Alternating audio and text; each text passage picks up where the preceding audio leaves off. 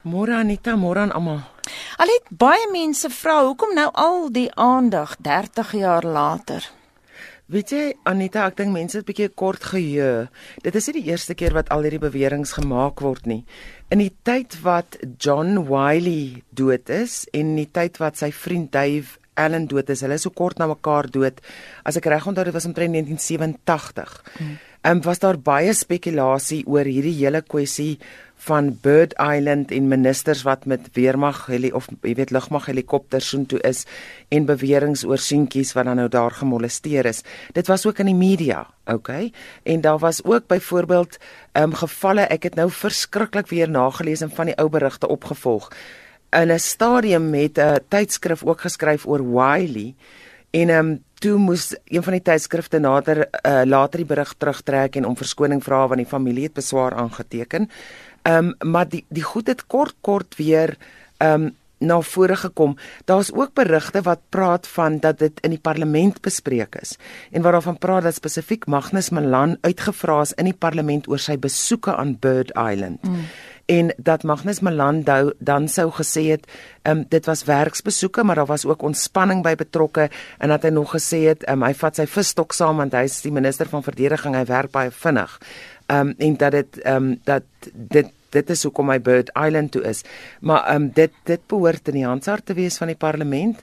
Mense behoort te kan opspoor wat daai vrae was en dit was seker hier 1986 87. So dit is nie die eerste keer wat hierdie ehm um, beweringe na vore kom nie.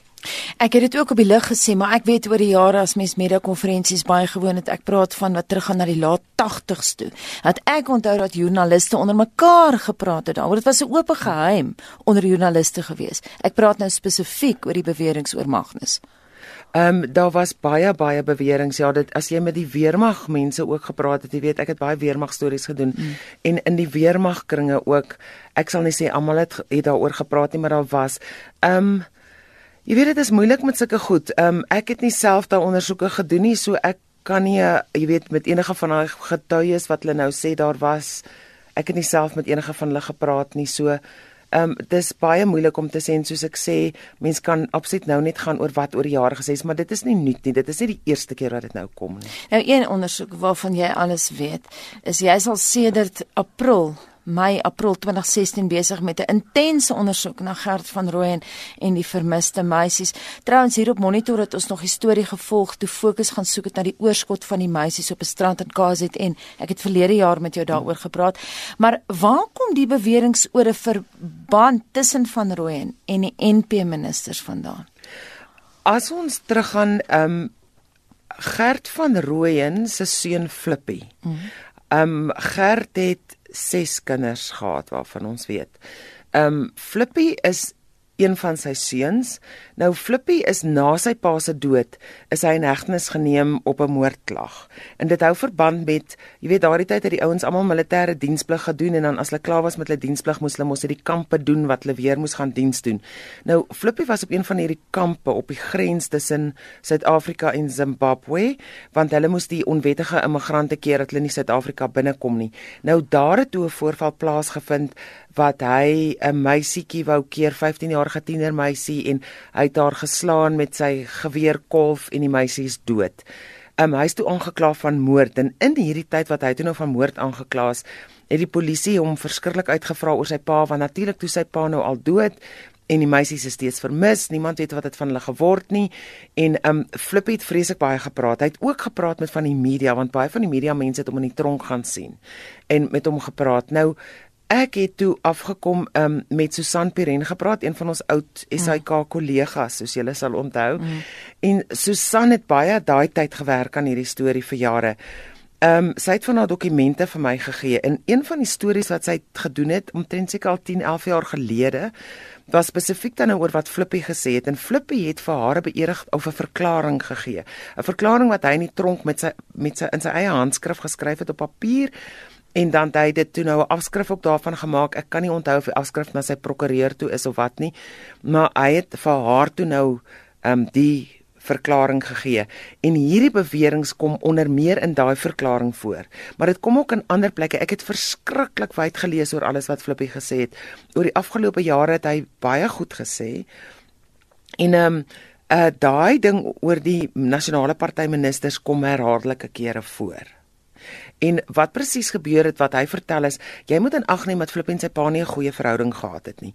Flippie is gebore toe sy pa in die tronk was in 1961 vir ek dink dit was diefstal van onderdele of voertuie of iets, maar sy pa was in die tronk. Hy het groot geword by sy ma en sy stiefpa. En toe hy 7 jaar oud was omtrent, ek dink hy was seker omtrent 7, het Gert van Rooyen wat toe nou sy biologiese pa se hom kom haal vir 'n vakansie en op nooit weer teruggevat na sy ma toe en gesê sy ma's dood. En dit is toe nou waar sy bande met sy pa begin het, maar hy en sy pa het nie 'n goeie verhouding gehad nie. Ehm um, dit daar's baie daaroor al geskryf oor die die onmin tussen hom en sy pa. En hy skryf dan nou in hierdie verklaring dat wat hy sê, ehm um, hier kort voor sy pa se dood het sy pa hom eendag gaan nader en gevra om om Kalten wil toe te gaan en vir hom te gaan 'n koevert haal. En hy was nuuskierig aan uit die koevert by twee mans en hy het dit toe gedoen en hy het die koevert oopgemaak en daar was geld in en hy het sy pa daaroor gekonfronteer. Daar was half alle vermoede dat dit met meisietjies verband hou want dit lyk my um, hy het geweet sy pa hou van meisietjies. En um, toe um, hy het vir sy pa gesê hy wil dit nie doen nie en toe het sy pa na hom toe gekom en vir hom gesê hy moet saam met hom gaan na 'n plaas op die Bosveld. Sy pa het gepraat van die Bosveld plaas. En hy is toe saam met sy pa uit vir sy hy wat flippies het sê hy het vir sy vrou gesê hy gaan na sy ma toe, maar hy is toe saam met sy pa nou na die plaas toe en dan sê hy sy pa het gesê moet vriende daar ontmoet. En hy sê daai oggend wat die vriende nou so opdag hulle die aand geslaap, die volgende oggend het hy flippie koffie vir hulle gemaak en vuur gemaak En hy sê omtrent 10:00 die oggend het hierdie voertuie opgedaag met hierdie mans en hy moes pad gee. Hy wat Flippies en hy is toe rivier toe. Maar hy sê van die rivier af kon hy sien en daar was 8 mans. En drie van die mans het hy dadelik herken. Hy noem in sy verklaring hulle name, maar ek is nie bereid om hulle bekend te maak nie want eh, daar's nie harde bewyse nie. So hy noem drie ministers se name. Nou een minstens een van die drie name wat hy noem is dieselfde as wat nou ter sprake gekom het met hierdie boek wat nou uitgekom het. Ehm um, en dan dan praat hy van hy het gesien hulle vergader En hy was baie geskok. Hy sê 'n vierde man het hy herken, maar hy kan nie sy naam onthou nie, maar hy sal die man weer uitken. Die ander vier het hy glad nie geken nie. En dit was half 'n geheime vergadering of wat sy pa nou met hierdie mans gehad het. Hy stoot die koppie uit en toe hy sien die mans ry, toe hy afgegaan en hy het met sy pa gepraat en hy sê hy het sy pa gekonfronteer oor meisietjies weer en hy praat ook van dat sy pa vir hom gesê het hy en Joey Harof het altesaam 40 kinders ontvoer. Hy praat ook van dat sy pa vir hom gesê het hulle is in 'n ding in hy en Joey waar hulle nie kan kom nie. En indien hulle hieruit sou wou onttrek, jy weet kop uittrek, dat hulle doodgemaak gaan word. Ek neem aan dat sy vra of sy pa gevra waaroor het hierdie vergadering met hierdie mans nou gegaan? Ek dink nie hy het nie hoor, want hy hy praat van dat hy was kwaad want hy wil nie by hierdie goed betrokke gewees het nie. Maar hy sê op pad huis toe het sy pa vir hom gesê daar gaan nog 'n kind weggeraak en hy gaan weer met Carltonville toe gaan om sy pa koevert te gaan haal. Ons weet dus nie of hierdie gesprekke tussen van die ministers en van Rooyen gegaan het oor kinders nie. Ons weet nie waaroor dit gegaan nee, het nie. Maar Flippy insinieer dit en uit sy gesprekke met met sy pa dat dit is spesifiek. Hy insinieer ook dit lyk asof hy praat van dat die 40 kinders wat gesteel is dat daar verband was. Maar Flippie is ook aangekla van myn eet. Hy is aangekla van myn eet want hy het verskrik verskriklik baie verklaringe afgelê veral nie tyd na sy hegtenisname. Nou van die verklaringe was teenstrydig en die polisie het hom toe aangekla van myn eet in daai verhoor. Het Flippie gesê maar van die verklaringe het hy afgelê maar die polisie soveel druk op hom geplaas het en hy het toe gesê wat hulle wil sê, daar was beweringe wat hy gemaak het dat hy aangerand is deur sekere polisie manne en sulke goed. Natuurlik daar's geen bewyse voor en wat, ek weet nie wat of dit waar is of nie, maar wat ek wel vir jou kan sê is ek het verskriklik gelees alles wat ek in die hande kon kry. Ek weet nie of ek alles het nie van wat Flippie oor daai tydperk gesê het. En daar's vir my 'n goue lyn. Ehm um, daar's sekere goed waarna jy kyk en dan dan uh die skryfstyls anders. Jy weet ons wat joernaliste is is baie ingestel op skryfstyl, praatstyl. Mm. Um, jy weet selfs met jou julle eie monitorspanlede elkeen het 'n ander styl. Ja, jy kan jy kan die storie lees en weet hom jy weet dadelik wie hom geskryf. Wie hom geskryf. Mm. En nou sê ek vir jou dit is dieselfde met Flippie se verklaringe. Flippie praat in verskriklike fyn besonderhede. Daar's um, en in sekere van die goed wat hy geskryf het, het ek gevoel hy's so eerlik dat hy homself in 'n slegte lig stel in party van die goed wat hy gesê het. Um, en da, met ander woorde daar's my halfe eerlikheid daarin en dit is spesifiek dan nou wat ek voel daar moet waarheid wees in sommige in van die goed wat hy gesê het. So jy het 'n goeie gut gevoel oor hom.